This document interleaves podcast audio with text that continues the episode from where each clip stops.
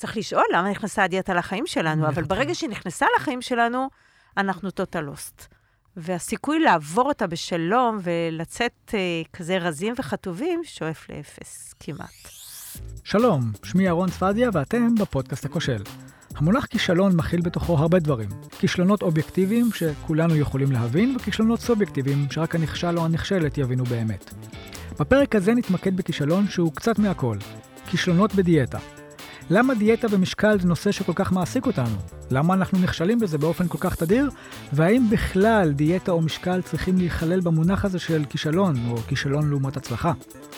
היום איתנו איילת קלטר, דיאטנית קלינית ומייסדת ומנהלת את שפת אכילה, מרכז לטיפול בהשמנה והתנהגויות אכילה. והיא תספר לנו על דרך אחרת להסתכל על העולם הזה של משקל ודיאטה, לאו דווקא מתוך כישלון או כישלון לעומת הצלחה. תהנו. העולם הזה של משקל ודיאטה הוא עולם, אה, עולם מורכב. עולם מורכב, עולם מזויף, עולם מלא אשליות והרבה שקרים. זה פשוט נוגד את כל המטאבוליזם של הגוף ואת כל טבע האדם. הגוף מתנגד לכוח הרצון. וכוח הרצון שלנו לא יכול לנצח אותו. אז הוא קצת מרמה אותו, עושה לו קצת עבודה בעיניים, ואחר כך, אני אגיד את זה בצורה בוטה, מכניס לו. זאת אומרת, הוא ישתף איתך פעולה בהתחלה, הוא יעזור לך לרדת במשקל, אבל אחר כך בסוף תשלם בריבית דריבית. תמיד יש מחיר. כי בעצם מדיאטה לדיאטה או מניסיון לרדת במשקל, אתה בעצם עולה עוד ועוד ועוד, ואתה מגיע לממדים אה, בלתי אפשריים. זאת אומרת, בדרך כלל אם אתה תשאל מטופל שמגיע לך כמה שקלת בגיל 20, והוא יגיד X, רוב הסיכוי שבגיל 50 הוא יהיה X פלוס 30, פלוס 40 ואלף.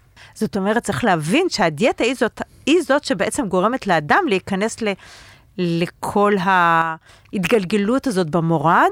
לא תכננו, ויש לך ספר, אמרת, שקוראים של... שדיאטה כישלון המצליח ביותר בעידן המודרני. כי מה? כי מה? כי אנשים לא מפסיקים לעשות דיאטה, אנשים לא מפסיקים לרצות לרדת במשקל, וכולם נכשלים. אתה יודע, יש בדיחה שאומרת ש, אה, שזה כמו מפעל הפיס. מיליון קונים אחד זוכה, mm-hmm. זה בדיוק אותה סטטיסטיקה עם הדיאטות. למה אנחנו רוצים לרזות במשקל? למה אנחנו רוצים להגיע לאיזשהו משקל יעד? תראה, זו שאלה מאוד מאוד עמוקה ומאוד מאוד מורכבת, אני אנסה לחלק אותה לכמה חלקים. אז אני קודם מנסה להסתכל על זה בצד המדיקלי, בצד הרפואי. יותר נכון, בצד של תהליכי המדיקליזציה, זה הניסיון להפוך מלא תופעות חיים שלנו לבעיות רפואיות. ואפשר לראות את כל תהליך המדיקליזציה בנושא השמנה בשנות ה-50. כמובן, הכל מתחיל ונגמר בכסף, ובעצם חברות הביטוח שאלו את עצמם איך הם יכולים לשדרג את הפרמיה של המבוטחים, ומשקל היה מדד אה, מאוד זול. ובעצם אפשר להגיד שחלק גדול מתעשיית הדיאטות ראשיתה בשנות ה-50. Mm-hmm.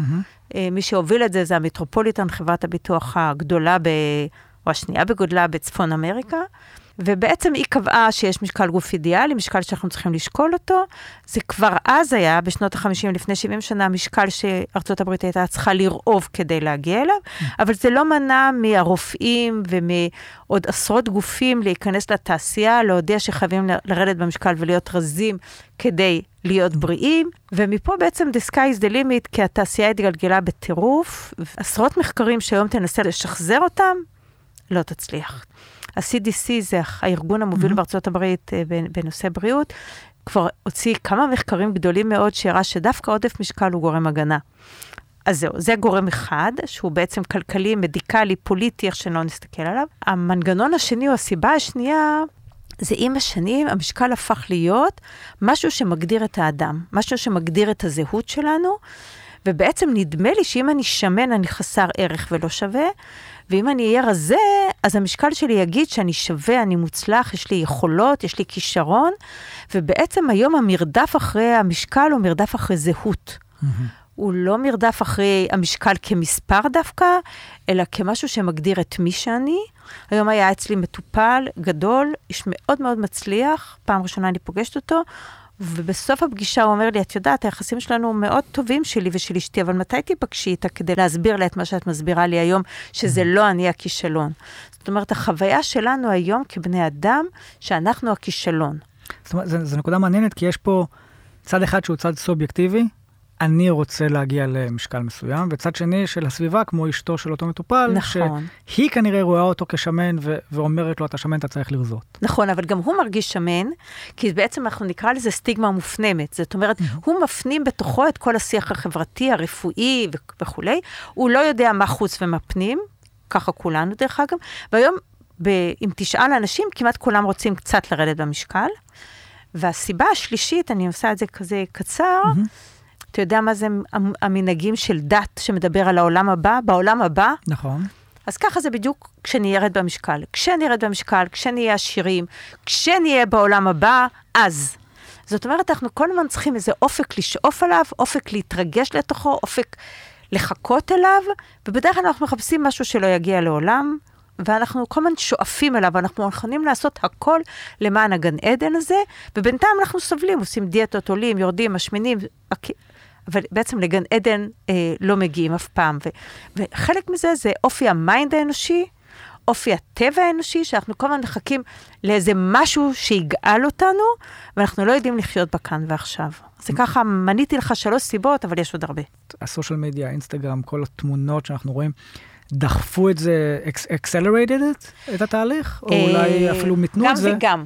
גם וגם, כי בצד אחד בהחלט יש מנופוביה מטורפת ברשת, מטורפת, אבל מצד שני היא נתנה עדנה לכל מיני קבוצות מאוד מאוד חזקות שמקדמות משקל גוף. הסלוגן שלי היה פעם, אנשים אמיתיים באים בכל הצורות והגדלים, וזה סלוגן שאתה יכול למצוא בהמון קבוצות שמקדמות שיח בריא, מקדמות דימוי, דימוי גוף בריא, המון קבוצות נשים גדולות ושמנות שמעלות את עצמן בכל מיני צורות, בבגדי, בגדי ים וכמעט בחשיפה מוחלטת.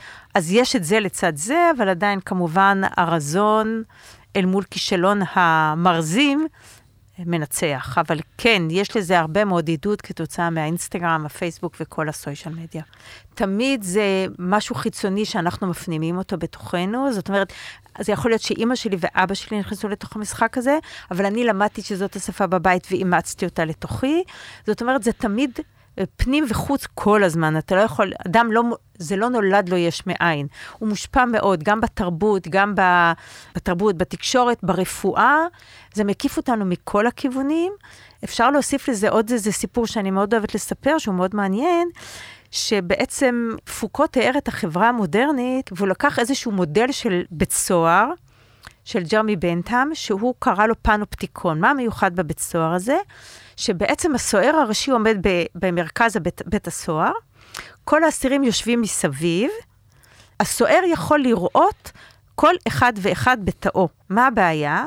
שהאסיר לא יודע מתי יראו אותו mm-hmm. ולכמה זמן יראו אותו. ואז הוא ממשטר את עצמו מראש, מחכה למבט. אז אנחנו בחברה המודרנית מנוהלים לפי המבט, שאנחנו לא יכולים להגיד איפה הוא נמצא. Mm-hmm. והיום עם כל המצלמות וכל זה על אחת כמה, וכמה וכמה, הוא נוכח, הוא נוכח, אבל אני הולך היום בחברה כאילו כל העולם מסתכל עליי. Mm. ובעצם אני מייחס לחברה את מה שהחברה מייחסת לי, ויש פה איזה ריקוד דו-צדדי, גם הוא מאוד מאוד אה, משפיע על איך שאני תופס את עצמי ואיך שאני מסתכל על עצמי, ועל הצורך שלי לרדת במשקל, שאני לא יכול להצליח בו לעולם בעצם. מעניין. היה לנו, עשינו פרק על המאפיינים הפסיכולוגיים בעקבות uh, כישלון. ובאמת האורחת שראיינו באמת ציינה שגוף האדם הוא מכלול של דברים, הוא תורשה והוא גם הסביבה. והיחס של, של אנשים לכישלונות הוא הרבה פעמים מגיע מזה, מאיך הם גדלו ומה הם ראו ומה הם חוו בכל הקשור לכישלונות. נכון. אז בעצם את אומרת זה אותו דבר במשקל. בכל אני... דבר בחיים שלנו. אני חושבת שבמשקל זה הופך להיות מאוד דרמטי מסיבה אחת ויחידה. כי אומרים לנו שאנחנו יכולים לרדת במשקל, אנחנו צריכים לרדת במשקל, ואם אנחנו לא מצליחים, זה אנחנו הלא שווים ואנחנו הלא בסדר. אף אחד לא משחרר אותנו מהאחריות. זאת אומרת, אני אשם במשקלי. למרות שאנחנו יודעים היום שזה לא נכון. זאת אומרת, עצם הציפייה שאני ארד במשקל היא ציפייה מעוותת. אז ברור שגם עצם הניסיון שלי לרדת במשקל לא יוכל להצליח. אז זה בעצם, וכשאת אומרת סביבה, זה גם התעשייה שמרוויחה מזה כסף, זה גם אה, עולם המדיקל, שאולי חיים עדיין באיזושהי קונספציה? כולם. כולם, כולם. זאת אומרת, זו תעשיית כסף מטורפת, שכולם נמצאים בתוכה, ואף אחד לא ירצה לוותר עליה. אוקיי, אז אם אלה המאפיינים שגורמים לנו לרצות להגיע למשקל מסוים, ציינת שאחוז אולי מצליח להגיע למשקל הזה, מה קורה ל-99 אחוזים האחרים? 97-98 אה, אחוז הם במה שנקרא מעגל היו עולים, יורדים, עולים, יורדים, עולים, יורדים, כל הזמן לרף יותר גבוה, אבל הם לא מעזים לרדת מהקרוסלה. מה זאת אומרת רף יותר גבוה? מה שאמרנו מקודם, אה, נקודת השיווי משקל של האדם עולה כל הזמן עם הדיאטה. זאת אומרת, נגיד שקלתי 70, עשיתי דיאטה, ירדתי ל-60, אני אחזיק בזה איזה שנה, שנתיים, אני אעלה. רוב הסיכוי ל-70, אולי ל-72, אולי ל-73. אחר כך אני כבר לא ארד ל-60, אני ארד רק ל-73, mm-hmm. ואני כל הזמן אהיה בפיחות זוחל כלפי מעלה, והגוף לא יוכל לרדת אחורה, הוא לא יוכל לשחזר את המקום שהייתי בו. ובעצם זה מין קרוסלת ענק, שאני מכור לרגע הזה שאני מנצח, ואחר כך אני מתגלגל כמו בסולמות וחבלים לקרקעית, וחוזר חלילה, וזה מזין את עצמו. כשאת רואה את האנשים שבאמת מגיעים למצבים האלה, ליו-יו הזה, זה נשמע כמו משהו נפשית, נורא נורא קשה. נפשית זה מטורף. זה גם מעצים על חוויית הכישלון. זאת אומרת, לא רק שאני שמן, אני גם נכשל בלרדת. אז זו תחושת כישלון תמידית, תחושה שאני לא אפילו, לא ראוי. זה אפילו, ירדתי, הצלחתי כביכול, לא הצלחתי לשמור, נכשלתי, ועכשיו אני לא מצליח לחזור למשקל שאותו רציתי, לגמרי. אז נכשלתי שוב פעם ושוב פעם. לגמרי, ואתה רואה את זה נורא כואב ונורא חזק בכל הניתוחים, הניתוחים הבריאטריים, שאנשים עושים ניתוחים, יורדים 50-60 קילו ועולים 50-60 קילו. זה חוויית כישלון מטורפת. עכשיו, אף אחד לא משחרר אותם. מה להיכנס אפילו לניתוח, כי גם אומרים לו שאם הוא יישאר שמן אז הוא ימות, וגם אומרים לו, מה זאת אומרת, זה, ניתח, זה ניצחון, אף אחד לא אומר לו את הכישלון שמחכה לו מעבר לפינה. Mm-hmm. ואז כשהוא נכשל, זה שוב כישלון שנזקף לחובתו, ואף אחד לא משחרר אותו מהכישלון. ההתנהלות של הדבר הזה, זה לופ, זה נשמע כמו לופ אינסופי. לגמרי. אז איך שוברים את זה? הו, שאלה מעולה. השבירה של זה, זה שני חלקים אולי אפשר להגיד, זה להסכים לנסות לא לשלוט במשקל הגוף שלי, להניח להסכים לשליטה... להסכים לא לשלוט במשקל הגוף שלי. כן, להניח לשליטה על האוכל ועל המשקל, ולהבין שעצם הניסיון לשליטה הוא זה שגורם לי לבלגן, זה דבר אחד, ולהסכים לרדת מה... לצאת מהשיח הזה, לצאת מהשיח החברתי שכמעט כולם מדברים. אתה לא יכול למצוא ארוחת ערב בלי שידברו מה אכלתי, לא אכלתי, כמה אכלתי, איך אכלתי הרבה, איך לא, נכון? ובעצם אנחנו עוזרים בתהליך טיפול לאנשים להפסיק להיות בתוך השיח הזה, כי השיח הזה הוא שוב מכשיל, הוא שוב פוגעני נורא. אז אנחנו רוצים לשחרר את האדם מאשמת הכישלון, אנחנו רוצים לשחרר את האדם מהשפה הזאתי, ובעצם להקטין את העיסוק של, של האדם תוך, בסוגיות האלה בתוך התודעה שלו, בתוך המחשבות שלו כל הזמן. זאת אומרת, יש פה עניין של טרמינולוגיה. כן, שפה. לד... בדיוק, להפסיק לדבר בשפה של...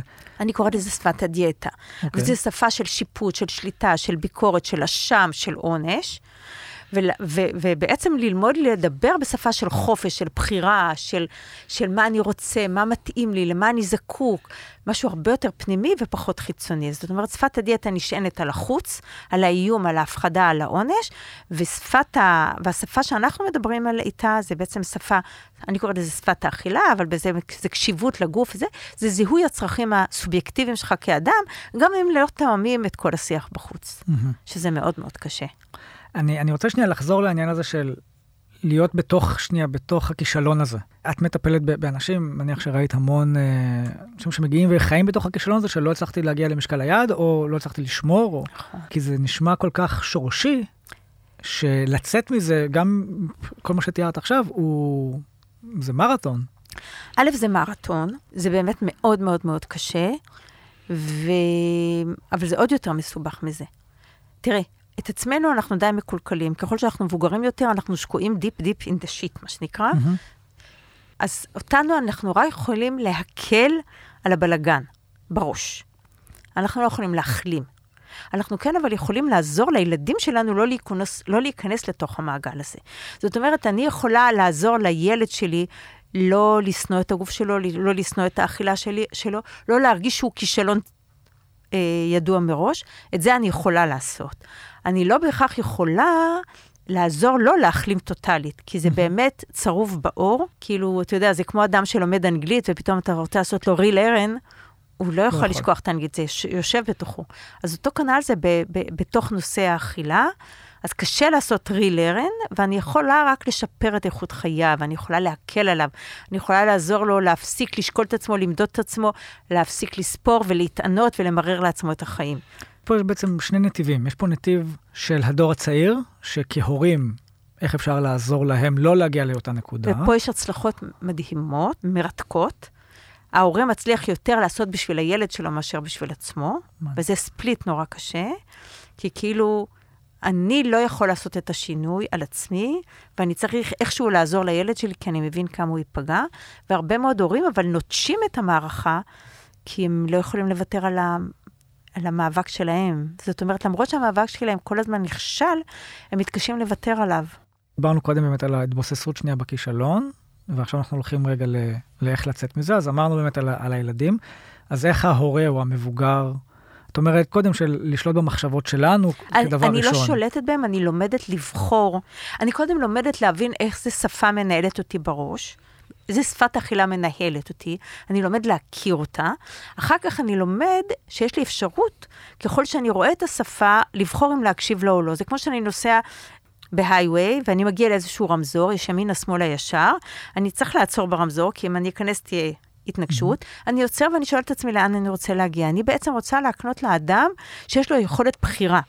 למה להקשיב? לרעש בראש האוטומטי המעניש, הכועס, המבקר אותו על האכילה, או בעצם ללמוד להקשיב לגוף שלו, מה הגוף שלו רוצה, למה הוא רעב, מה, מה נעים לו, מה טעים לו וכולי.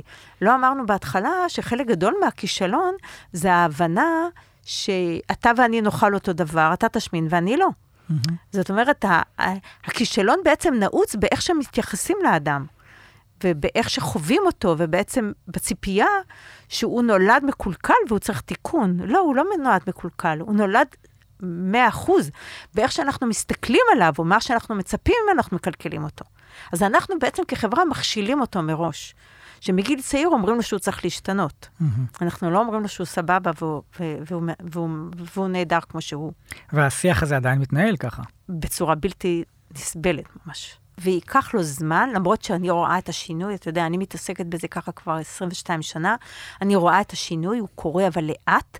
אני תמיד נותנת דוגמה, ואני משווה את זה הרבה מאוד פעמים להומופוביה. זאת אומרת, יש הרבה מאוד חוקרים שקוראים לה שמנופוביה, ההומופוביה mm-hmm. החדשה. עכשיו, אם תזכור, ההומופוביה התחיל התהליך בשנות ה-60. היום אנחנו ב-2020, כלומר, עברו 60 שנה, יש שינוי תאומי, עוד לא, עוד לא הבראנו מהתפיסה. אותו כנ"ל פה, פה זה שנות ה-50, אבל המרד התחיל ב... בוא נגיד ככה, ממש בשנות ה-80, 90, שנות ה-2000, אנחנו רק בעיצומו של התהליך, אבל כן אפשר לראות קווים משיקים ומקבילים, כי גם ההומואים נאשמו בנטייתם המינית, mm-hmm. כאילו הם נתפסו שהם יכולים לשנות את עצמם. אותו כנ"ל, האדם אה, בכל סוגיות המשקל, הוא בעצם נאשם במשקלו, ו...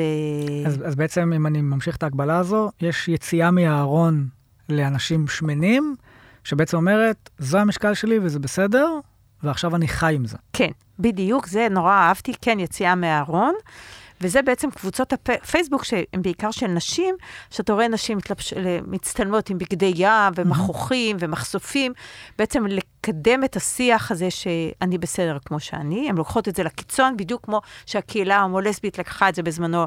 לקיצון. ובעצם הן מנסות לשחרר את האנשים מתוך חוויית הכישלון שלהם. מעניין יהיה לעקוב אחרי זה, זה תהליך אה, חברתי מאוד מאוד מרתק. אתה יודע, זה לא שאנחנו מכריזים שלהיות רזה זה בריא, או להיות שמן זה בריא. לא. כל אדם, אני רוצה בעצם להביא, להביא את המסר שאנשים בכל הגדלים יכולים להיות בריאים, וגם חולים. אנחנו צריכים להסתכל על כל אדם לגופו, ואנחנו כל פעם נכשלים באיך שאנחנו מתייגים את האדם לפי איך שהוא נראה ולפי כמה הוא שוקל, בלי להסתכל עליו.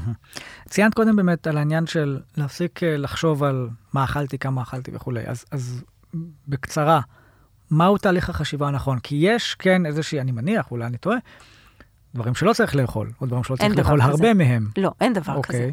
זאת אומרת, אתה יכול לראות את זה נורא יפה אצל תינוק שהוא נולד. הוא רעב, הוא בוכה, mm-hmm. אתה מאכיל אותו, הוא מפסיק, הוא שבע. Mm-hmm. אם תנסה להפסיק לפני שהוא רוצה לה, כשאתה רוצה, מה הוא יעשה? יבכה, נכון? Mm-hmm. אז זה בעצם אנחנו נולדים בריאים. אוקיי. פרפקט אנחנו נולדים, עד שמקלקלים אותנו. וזה קורה בגיל מהר מאוד. לא, אתה לא צריך יותר מדי, אכלת יותר מדי, אתה לא צריך עכשיו, עכשיו אתה צריך לאכול את זה ולא את זה, ומתחילים למרר לילד את החיים. זה מתחיל בגיל מאוד מאוד צעיר. וככל שההורה בא שרוט, הוא מקלקל את הילד שלו עוד יותר. בניגוד למה שנדמה, אני לא אתן לך תפריט חלופי לתפריט של הדיאטה, כי אז אני אכנס לאותה שפה שאני בעצם רוצה לצאת ממנה. אין תפריט נכון לא נכון. האכילה היא דבר סובייקטיבי. אני אוהבת דבר אחד, אתה אוהב דבר אחר, כל אחד טוב לו משהו אחר, כל אחד רעב למשהו אחר. היום אני אהיה רעבה למרק, מחר אני אהיה רעבה לסלט, אני לא יודעת. המטרה היא לעזור לאדם ללמוד ולגלות מה הוא. מה טוב לי, מה הגוף שלי צריך, לא מה אומרים לי שהוא צריך, mm-hmm. ולא לחכות שמישהו ינהל את האכילה ויגיד לי, מותר לך שתי פרוסות לחם, מותר לך ממתק ביום, כל זה, סליחה על המילה, זה חרטבונה בגרוש. Mm-hmm. זאת אומרת, אין, לא יכול לבוא, גם זה כישלון, אתה מבין? שמנסים להלביש עלינו איזושהי תבנית, תבנית ול, ו, ולקטלג את כולה, כולנו בתוך תבנית האוכל. זאת אומרת, כמו שאנחנו לא יכולים להיות בתבנית משקלית, אנחנו גם לא יכולים להיות בתבנית של אוכל. ואני צריכה לפגוש את האדם תמיד בהקשר שהוא נמצא. וההקשר הזה משתנה. יש לי אחיינים ואחייניות, וכשהם לא רצו לאכול, אז uh, אני הייתי צועק, הייתי בצד שלהם, אז הייתי תמיד צועק להורים שלהם, ילד רעב אוכל, נכון. כשהוא רוצה, הוא לא רעב, הוא לא אוכל עכשיו. ותמיד האמהות שלהם היו אומרים לי, כן, כשאתה תהיה אבא, אז אתה תעשה את זה לילדים שלך.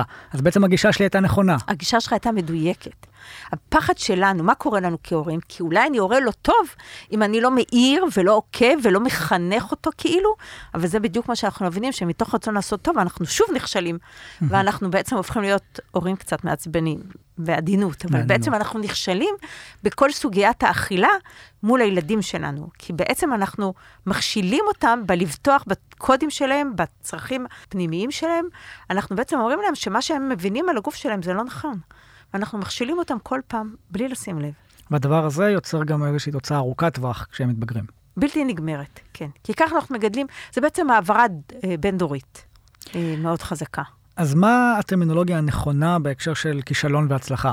הצורך להגיע למשקל יעד הוא לא, הדבר, לא הצורה הנכונה להסתכל על הדברים, ואת אומרת בעצם הצורך הוא להבין את עצמי. מה המדד? כי הרי תמיד אנחנו מחפשים איזשהו מדד, אז כשבאים אנשים אלייך, והם עכשיו במשקל מסוים, מה המדד? אז א', אני לא שוקלת, אין לי משקל בקליניקה כבר 20 שנה. זה מדד לא רלוונטי, ואני גם לא מסתכלת עלינו כמדד. אני חושבת שהמדד מפספס אותנו. כי היום מתאים לי להיות X, מחר יתאים לי להיות Y. אז בשבילי המדד שטוב לך. שאתה לא סובל, שאתה חי חיים טובים, שאתה ממלא את חייך באופן פעיל, אתה חי, אוכל בריא, עושה ספורט, מחובק, אהוב, יש לך שאיפות, יש לך משמעות. זה, וזה משתנה מיום, לפעמים זה מאוד מצליח לך, לפעמים זה פחות מצליח. המשקל לא יכול למדוד את חוויית החיים שלי. הוא לא יכול להגדיר מי אני, והוא לא יכול אה, למדוד מי אני. ובעצם כל העניין הזה של מדידת האני הזה, היא בעצם חלק מהכישלון. האני הוא לא מדיד. את יכולה להגיד שכשאנשים עושים דיאטה ומגיעים לאיזשהו משקל, אז הם כן חיים בתחושת האופוריה הזו שטוב נכון, להם. נכון, נכון. ואת אומרת שזה בדרך כלל עובר אחרי שנה, שנתיים. תראה, אני אהיה בוטה ואני אגיד, כמו גבר שמתאהב באישה או אישה מתאהבת בגבר, נכון? Mm-hmm. יש לנו תקופת ירח דבש, אחר כך מתחילה העבודה הקשה, לא כולם שורדים אותה, וכל הזמן צריך להשקות את הקשר, נכון? נכון. בדיאטה, גם יש לנו תקופת ירח דבש, בדרך כלל שנה, יש כאלה מצטיינים יותר, זה יכול להיות אה, שנתיים, שלוש, לפעמים ארבע, אבל מאיזשהו שלב זה מתחיל קרב מאסף. אמרנו, הגוף ש, אה, דואג לעצמו, הוא מחזיר לעצמו, יש הפרשת יתר של הורמונים, הורמון הגרלין זה הורמון הרעב, הוא חווה רעב, הוא מפריש יותר ויותר, הוא מאוים הישרדותית. הורמון השובע שלנו, הלפטין, מופחת פחות, ו... ואז אנחנו שבעים פחות ורעבים יותר, ואנחנו נכנסים להתקפי זלילה, מאבדים שליטה על האכילה ואוכלים. אנחנו רעבים גם רגשית, גם פיזית, גם קוגניטיבית, ובדרך כלל אנחנו משמינים את הכל חזרה. אז בעצם את אומרת, זה, זה כישלון ידוע מראש, כי הגוף לא יכול להכיל את זה בעצם. הוא לא יכול להכיל את זה, ברוב המקרים. חזור רגע ל, לא, לאותו מדד של הצלחה, זאת אומרת שזה, שטוב... הצלחה לא... זה לא להיכנס למשחק הזה.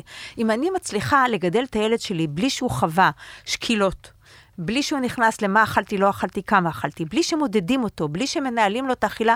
למשל, היום בכ, בכיתה א' שוקלים, בכיתה ו' שוקלים בבתי הספר. כאילו, הילד לא, עוד, לא, עוד לא יודע להגיד, אבא, אימא, הוא כבר נשקל, הוא כבר נשחק, נכנס למשחק הזה. בעצם, אם נייתר את המשחק הזה, אולי לא ניכנס לכישלון הזה, אבל לאף אחד אין אינטרס לוותר עליו, ולכן אנחנו כל הזמן חווים את מעגל הכישלון הזה אה, באופן סזיפי ופוגעני מאוד. באיזושהי באמת אה, כתבה שפורסמה, ב, שלך, שפורסמה בהארץ, נתת דוגמה של מטופל שהתחיל לחיות. תוכלי להרחיב על זה קצת? כן, זה סיפור נורא נורא מרגש, ויש לי הרבה כאלה, על בחורה שהיא, לא זוכרת מה סיפרתי בכתבה, אבל זה לא משנה בת כמה, נגיד 30. כל חייה קנתה והייתה לבושה, מה שנקרא, מאוד מוזנח, מאוד לא בהתאם למה שהיא, הייתה בחורה גדולה, אבל היא הרגישה לא ראויה, לא שווה, לא נשית. אה, ו, ותהליך הטיפול היה תהליך מאוד מאוד אה, מדהים, כי אתה יודע, בטיפול אתה לא אומר למטופל מה לעשות.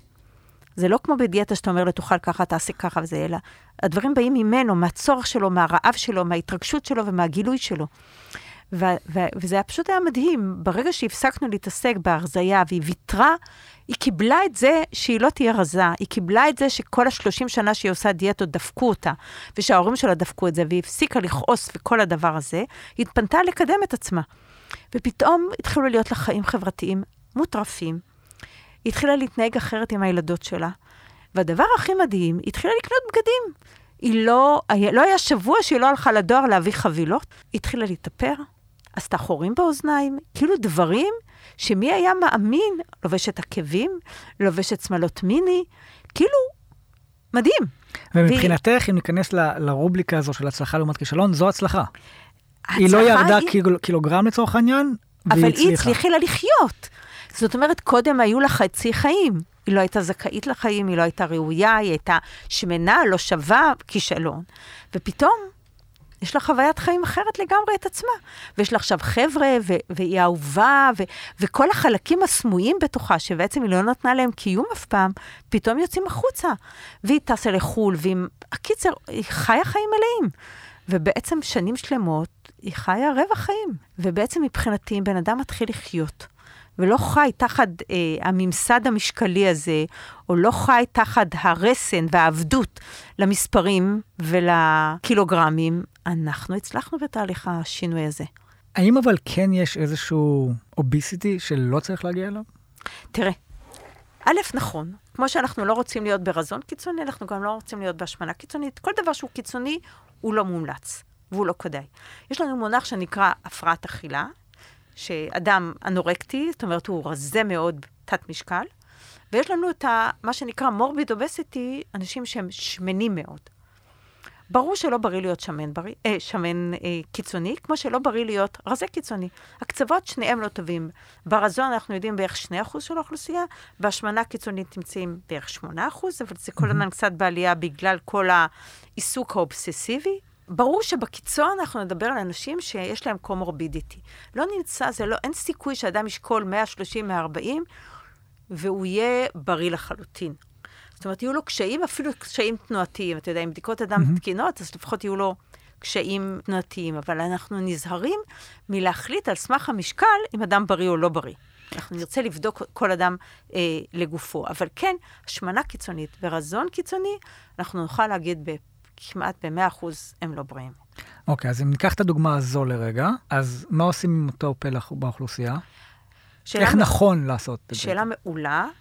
אז בעיקרון, אני אתנהג אליהם בדיוק כמו שאני אתנהג לכולם. שיא האבסורד. כי אמרנו, א', שאני רוצה שכולם יהיו בריאים כמה שהם יכולים. אני לא יכולה להכניס אותם למשחק הדיאטות, כי חלק מההשמנה המטורפת שלהם היא תוצאה של משחק הדיאטות. אז אם זו השמנה מאוד מאוד קיצונית, אנחנו נאלץ לשקול ניתוח, או נאלץ לשקול שילוב של תרופות. ואני לא תולה בהם הרבה תקוות, סיכויי ההצלחה הם בעצם, אני לא רוצה להגיד מספרים, אבל... בניתוחים זה... ובתרופות, אני מתכוון. כן, הם, בתרופות עוד אין לנו אופק, כי אין הרבה שנים ש, שאנחנו יכולים, שביצעו מעקב, אבל בניתוחים יש את המעקב הזה, ו, ואפשר להגיד ש... אני נזהרת מסטטיסטיקות, אבל בערך 50 אחוז זה כישלון, אם לא יותר, וכישלון זה להעלות את הכל, mm-hmm. כאילו, ו... או להעלות את הרוב. אז יש אנשים שאם נגיד שקלו 130 ועכשיו הם 100, זה מקום נהדר. אבל הם בקרב מאסף אינסופי, עם סבל מאוד קשה. יש אנשים שיש להם בעיות גסטרו והקאות ובחילות שלא נגמרות, והם יצרו בעיות אחרות שהן לא, פשוט, לא פחות בעייתיות. זה לא אה, דרך סוגה בשושנים, צריך להיזהר. בתוך העולם הזה של המאבק האינסופי הזה, פתאום נשמע כאילו שממה שאת אומרת, שזה, תפסיקו לחשוב במונחים של, אה, של, של מספרים, של משקל. כל פעם שאתם מתחילים את הדיאטה החדשה, תבד... תשימו לב שב-99% היא מורשת של כישלון, אז תבדקו טוב אם שווה לכם להשקיע את, ה... את הכסף, את הבריאות שלכם ואת הזמן, כי אף אחד לא יהיה שם לאסוף את השברים, רק אתם. ב Fuckup Nights יש לנו, עשינו מעל 50 אירועים, אז זה בערך 200 אה, דוברים, פחות או יותר, ועושה רושם שאצל יזמים ויזמיות, כשהם מדברים על, על הכישלונות שלהם, יש איזשהו טייפקאסט כזה, שבסדר, נפלתי, נכשלתי, אני רץ ישר לדבר הבא. כאילו, המונח כישלון אצלם מתוכנת אחרת בראש.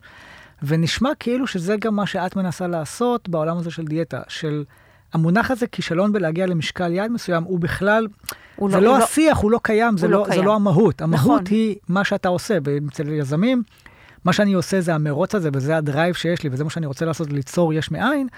אז בתרגום לשפת הדיאטות במשקל, אז הדבר הזה, ה drive, זה מה שעושה לך טוב, כדי לחיות. מה, מה שעושה לך טוב כדי לחיות, מה שרוצה להשתיק לך את התודעה, יכניס לחיים שלך שקט ובריאות, ובעיקר מרחב של בחירה חופשית. כאילו, כשאתה בתוך שפת הדיאטה, אתה עבד. אתה אפילו לא שם לב שיש דיקטטור פנימי שמנהל אותך, ופה לשחרר אותך. לשחרר אותך, אנחנו לא במרוץ, אנחנו לא במרדף. אני חושבת שזה זה. זה, זה הכל, לא להיות זה, במרדף הזה. זה הכל בראש, זה לא בבטן. הראש והבטן, יש בהם, מדברים ביניהם כל הזמן. אולי הייתי אומרת שהגוף מדבר ובואו נתחיל להקשיב לו. ואני רוצה להבחין בין להקשיב לבטן לבין להקשיב לראש. הראש, כשהוא מדבר, הוא מדבר בדרך כלל את מה שהסופר אגו מדבר, והוא מדבר מה שהחברה אומרת ואת הדרישות.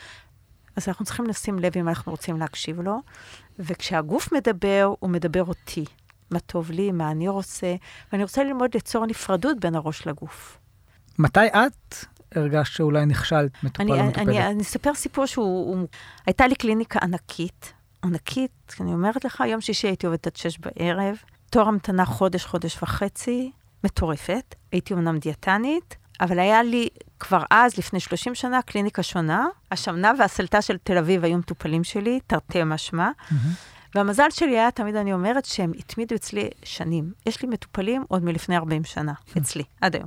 והם התמידו אצלי המון המון שנים, והם לימדו אותי המון. וראיתי אותם יורדים, וראיתי אותם עולים, וזה התחיל להכות בי, כאילו, אני לא הבנתי מה אני, במה אני נכשלת. חשבתי שאני דיאטנית... במה את נכשלת? כי הם עולים במשקל? כי הם עולים במשקל, מה, הם יורדים, הם נראים מעולה, והכול עולה. אז בהתחלה היית בטוחה שאני כישלון אחד גדול. אחר כך הייתי בטוחה שהם מרמים אותי והם כישלון. ואחר כך התחלתי לשאול, אם זה לא הם וזה לא אני, אז מה? וזה התחיל לשלוח אותי לארצות הברית ל-20 שנות נסיעות אינסופיות, לגלות, לחקור. אני חושבת שנסעתי איזה 30-40 פעם לסדנאות, לכנסים, ולאט לאט התחלתי להבין את מה שניסיתי לספר לך פה היום, אבל החוויה הכי נוראית הייתה לי בכנס הראשון שהייתי. הייתי בכנס בפילדלפיה, הייתי ישראלית יחידה, דיאטנית יחידה, זה היה כנס של פסיכיאטרים ופסיכולוגים, ובלי לדעת נכנסתי לסדנה של תנועות לקבלת השמן בארצות הברית, ה-Fat Acceptance בארצות הברית, שהיו בה בטח 40 איש, מתוכם 20 מאוד שמנים על כיסאות גלגלים, אתה יודע, אמריקאים, ועוד 20 רגילים, ואני הייתי הרזה שבחדר. באמצע הסדנה כזה הם משימים מוזיקה, ומבקשים מכולם לקום ולרקוד בחדר. כולם קמים. השמנים, ה-200 קילו, עם הכיסאות הגלגלים, עם ההליכונים, mm-hmm. כולם קמים, אני לא זזה מהכיסא. צמותה לכיסא, לא זזה. ופתאום התחלתי להבין, פה בעצם נפל האסימון הראשון, אני נראית מעולה, אני רזה, אפשר להגיד אפילו חתיכה ודי חמודה, ואני לא זזה. זאת אומרת, התחלתי להבין שהסלף אסטים שלי, הערכה העצמית שלי, לא שוקלת. ופה התחיל המסע. Mm-hmm. בעצם הבנתי שזה לא משנה כמה אני שוקלת, הביטחון שלי, באינר וויס שלי, במי שאני, לא שייך לאיך אני נראית וכמה אני שוקלת. והבנתי שאני בעצם שולחת בעצם אני כמטפלת נכשלת, כי אני שולחת את המטופלים שלי לחפש את הסלף שלהם במשקל שלהם, והוא לא נמצא שם. בעצם שולחת אותם לכישלון של עצמם. בדיוק. והיום אני גם לא קוראת לעצמי דיאטנית, אני למדתי, את התואר השני כבר עשיתי בשילוב בית ספר לעבודה סוציאלית, וההשכלה שלי היא הרבה יותר טיפולית בשנים האחרונות, ו- וחברתית פילוסופית. וגם תוכנית הלימודים שלנו היא בעצם ביו-פסיכוסוציאלית, כאילו פחות דגש על הביו אלא יותר דגש על הפסיכו-סוציאלית, ובאמת הרבה מאוד מהתלמידים שלנו הם פסיכולוגים, עובדים סוציאליים, ולאו דווקא בכלל דיאטנים. לא, באתי להגיד באמת שהרבה ממה שאת מתארת נשמע כמו טיפול פסיכולוגי, מאשר טיפול למשקל. נכון. אבל בעצם ההבנה של המשקל היא זאת שעוזרת לתהליך הטיפול. זאת אומרת, זה לא טיפול שאתה יודע, יש היום הרבה מאוד מטפלים שמטפלים באכילה רגשית וכולי. הם לא יודעים שאכילה רגשית זה מונח ששייך לשפת הדיאטה, לאותו mm-hmm. כישלון. ובעצם אנחנו רוצים לצאת מה, מהמיליה הזה שמדבר שמשהו צריך להשת... כאילו בעצם אני לא צריך להשתנות כל היום, ואכילה רגשית לא יכול להיות אכילה בלי שהיא רגשית. ולהבין שיצרו פה בעיה, וזה הכישלון. בעצם הפכו משהו נורמטיבי שנקרא אוכל, שאנחנו עושים אותו מיום היוולדנו, והפכו אותו לאיזה מפלצת או למשהו דמוני שאנחנו כל הזמן נאבקים בו. וזה הכישלון. אוכל זה דבר נפלא. איילת קלטר, תודה רבה לך. תודה רבה. תודה רבה לאיילת קלטר על ההשתתפות שלה בפרק הזה, ואם יש דבר אחד שאני לוקח מפה, זה שכנראה הכל נמצא בראש. בין אם ביזמות, בדיאטה או בכל נושא אחר, זו התפיסה שלנו שיוצרת את המציאות. מציאות של כישלון, של הצלחה, או מציאות של החיים עצמם. תודה שוב לאיילת קלטר ולגוגל קמפוס על ההקלטה בסטודיו שלהם. נשמח לשמוע מכם פידבק על הפרק הזה או פרקים אחרים, וכמובן אם יש לכם רעיונות לאורחים או לנושאים שתרצו שנדון בהם בפודקאסט הכושל. עד לפרק הבא, ביי!